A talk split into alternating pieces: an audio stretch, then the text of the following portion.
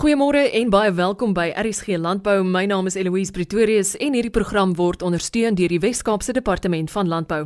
Vanoggend se program is propvol nuttige inligting vir boere reg oor ons land en ons het moontlik ook 'n paar oplossings vir van die uitdagings wat jy dalk op die oomblik trotseer. Veral as dit te maak het met kwessies rondom bewaringslandbou, onderdakboerdery en produksieafval.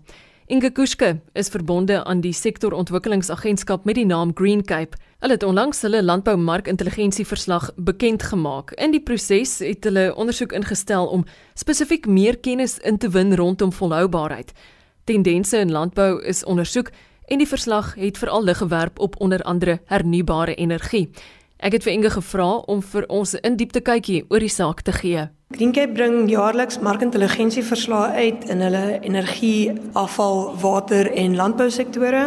Binne in daai verskillende sektore probeer ons highlight wat waar is die groot geleenthede uh, vir belegging in in volhoubare tegnologie en praktyke.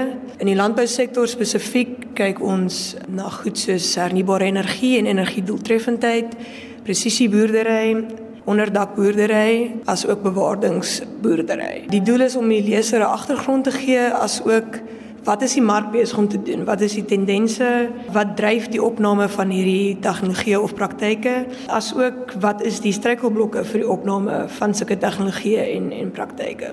Ek sal graag twee van hierdie geleenthede wil bespreek. Ons begin by hernubare energie. Daar fokus ons spesifiek op sonfotovoltaïese energie, of soos dit in die industrie bekend is as solar PV. Daar sien ons regtig baie groot opname uh, in die landbousektor. Um, as ons bietjie kyk na die na die syfers tot en met einde 2018 was daar so 60 megawatt geïnstalleer in in Suid-Afrika in die landbousektor spesifiek.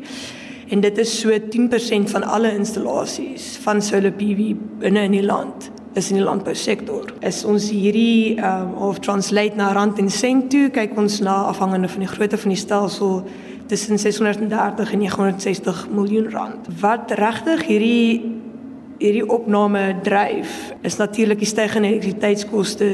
Jou kostes kan nie meer styg as wat jou profit styg per jaar nie. Dit maak nie besigheid sin nie uh ook energie sekuriteit om dan sonder energie te sit uh, nie net in die landbousektor nie in enige sektor in die land is kan regtig rampspoedig wees groot verliese kan plaasvind en het al plaasgevind uh, met load shedding en dan ander drywers is ook die toenemende vermoë vir ouens om terug te voer in die grid wat ons noem small scale embedded generation vir sisteme onder 1 megawatt. So binne in die Weskaap spesifiek 22 van die 25 munisipaliteite laat dit toe. Dit is ook werk wat Green Cape met die munisipaliteite gedoen het om om hulle bylaws te help om om daai tarief reg te kry. So met ander woorde as jy krag opwek wat jy nie gebruik nie, kan jy dit terugvoer in die grid en jy kan geld daarvan afmaak. So dit help om die besigheidsaak regtig te te versterk. En ons sien ook al hoe meer of finansieringsopsies um vir vir sonpanele. Selfs die kommersiële banke nou bied bied 'n uh, eh, baie kompeterende koers aan. Daar's ander meer innoverende maniere. Jy kan byvoorbeeld 'n power purchase agreement met die met die installeerders aangaan. So jy koop basies die krag van hulle af en wanneer dit afbetaal is, besit jy die bate. Ek wil graag ook 'n uh, 'n voorbeeld deel met die luisteraars, regtig om om te beklemtoon die update wat wat die boere het vir vir innovasie en en nuwe tegnologie. Ek dink baie mense is dalk nie bewus daarvan nie of is onder die indruk dat jy weet die boere het 'n sekere mindset en dit word nie verander nie en wat ook al, maar ons vind dit is glad nie die geval nie. Daar's telke voorbeelde wat ek spesifiek sal wil noem is um so 'n plaas by te Franschhoek. So hulle het die eerste van sy soort in Afrika kommersiële stelsel van floating solar PV uh, geïnstalleer. So dit is sonpanele wat op die dam dryf basies. Uh dit het ander voor, uh, voordele in as byvoorbeeld op jou dak of 'n staande stelsel. Um jou stelsel koel vinniger af, so jy's meer doeltreffend met met die energie, um as ook die actual dekking wat wat evaporasie verminder. So daar is nog nie so iets gedoen nie, so ons weet nie hoe gaan dit werk en wat is die besigheidsaak nie, maar ja, hier in ons in ons agterplaas um so te sê doen doen mense sulke goed. En dalk net ook om te noem daarso dat die kommersiële ouens, die kommersiële finansieringsindustrie uh, begin regtig vir die waarde in die besigheidsaak van van hierdie tegnologie insien. Ons sien ook die die die prys van van die tegnologie wat wat aansienlik gedaal het. So dit het regtig 'n baie sterk uh, besigheidsplan veral in die landbou ouens wat hoë energievereistes het soos soos koelkamers, vrugtepakhuise uh, en so aan. Inge het ook goeie nuus wat onderdakboerdery betref. Ehm um, so daar fokus ons dis 'n verskeidenheid van tegnologieë hoe hoe ons dit gedefinieer het. Dit gaan van jou meer basiese stelsels soos nette en tonnels tot meer gesofistikeerde groenhuise wat byvoorbeeld outomasie het. Ons probeer kyk wat is die opname van van hierdie tegnologieë en danksy die Weskaapse Departement van Landbou het ons lekker sensus data vir dit. So ons kan vir die ouens wys dis regtig 'n sterk besigheidsaak. Die ouens belê in dit. So as ons dan net kyk, so hulle het hierdie sensus gedoen in 2013 en hulle het weer een gedoen in 2017 met die doel om te kyk wat is die verandering in in land use change as hulle dit noem. So nette het in daai 5 jaar gestyg met 172%. So is regtig regtig um, ja, groot groot opname en tonnels in dieselfde tydperk met 55%.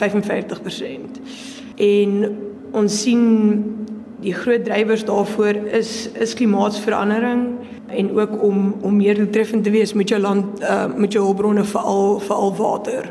Um met die droogte die ouens besef ons moet ons moet bietjie meer begin anders dink en en volhoubaar produseer en ons water so doeltreffend as moontlik gebruik. As ons kyk na jou meer gesofistikeerde stelsels soos groenhuise, daar speel hidroponika 'n baie groot rol of jou soilless systems soos hulle dit noem.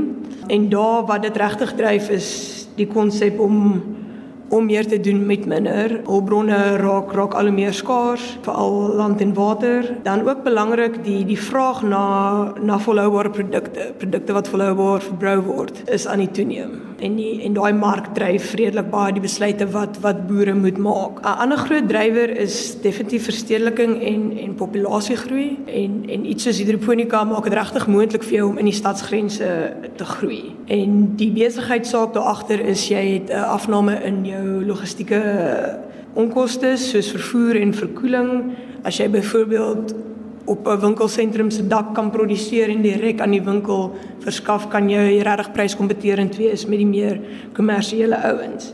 En dan ook omdat jy beheer het oor oor oor baie van jou insette soos jou nutriënte en en in party gevalle jou jou klimaat in in in toesisteme kan jy ook jaarlange konstante goeie kwaliteit hê en dit raak baie aantreklik vir veral restaurante en so in in stedelike gebiede.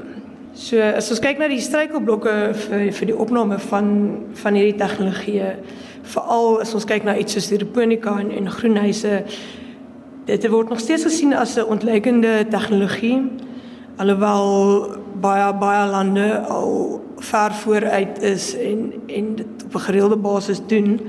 So as ons op die internasionale mark kyk, sien ons groot opname in in goed soos vertikale verbrouing en en hidroponika en en groenhuise en so aan. So hoekom dan nie in in Suid-Afrika nie? En ons vind 'n groot groot deel daarvan is dit word nog gesien as 'n ontleikende tegnologie deur veral finansierders, jou tradisionele finansierders, so om finansiering te kry is is 'n probleem uh vir al die ouens wat in die stad wil produseer, baie van hulle het nie uh, kredietrekords nie, hulle het nie 'n uh, geskiedenis in landbou nie, so die, ja, die toegang tot geld is nie eintlik daar nie. Wat ons wel sien is baie half NPO's en en sulke tipe uh, gemeenskapsorganisasies wat kom en vir die ouens leer hoe om te produseer en belangrik omdat dit 'n nuwe tegnologie is, ook wat om te produseer hoe moet jou besigheidsplan lyk? Waar moet jy bemark? Um so reg oor oor die waardeketting om reg ja, die pad te stap met met hierdie ouens en dit kan groot groot dinge oplos. As jy dink aan werkloosheid in dorpies veral oor die hele land. As jy dink aan die werkloosheid in in ons dorpe in die plattelandse gebiede, hierdie bied regtig 'n opsie vir die ouens om om voedselsekerheid te verseker. En dit leer ook vir hulle hulle kan nou inkomste genereer. So daar's baie baie voordele en ons sien 'n hele paar van die ouens wat wat dit doen.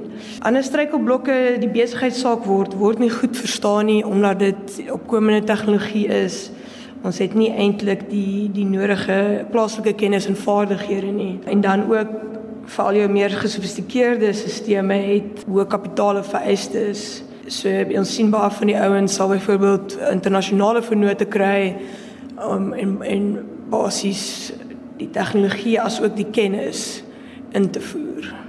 As ons kyk na die besigheidsaak van van tegnologie soos soos hidroponika, sien ons jy kan aansienlik meer waterdoeltreffend wees. Om vir jou 'n voorbeeld te gee, in in 'n oop konvensionele stelsel vat een kop blaarslaai 90% meer water as wat dit doen in 'n hidroponiese stelsel.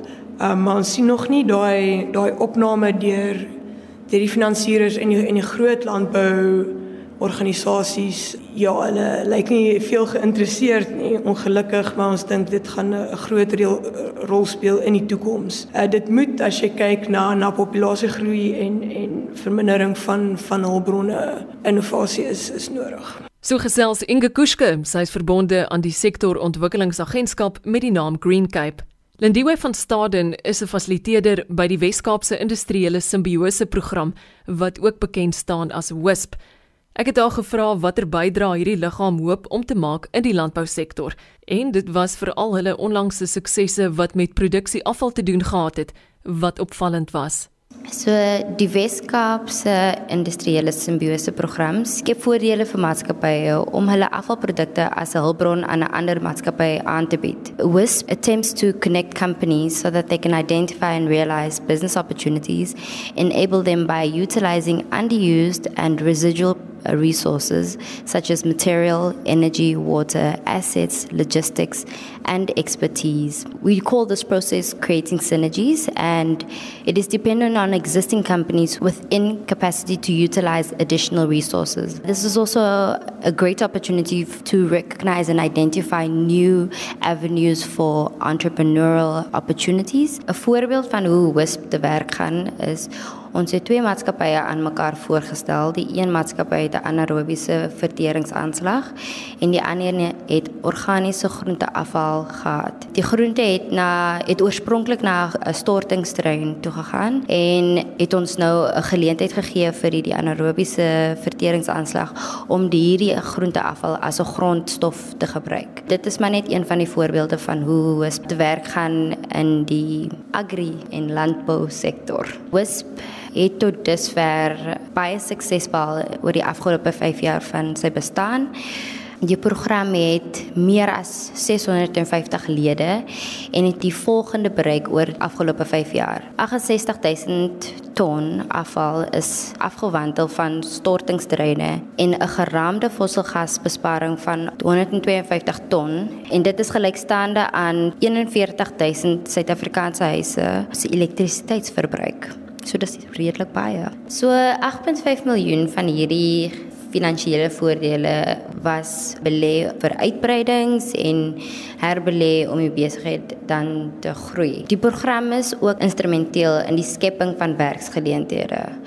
Tot dusver is 25 permanente werksgeleenthede geskep, 'n 29 tydelike werksgeleenthede geskep en 126 weier ekonomiese werk is geskep. So dit is maar net 'n klein bietjie van die sukses van WISP en hoe die program actually te werk gaan deur afval as hulpbron te sien.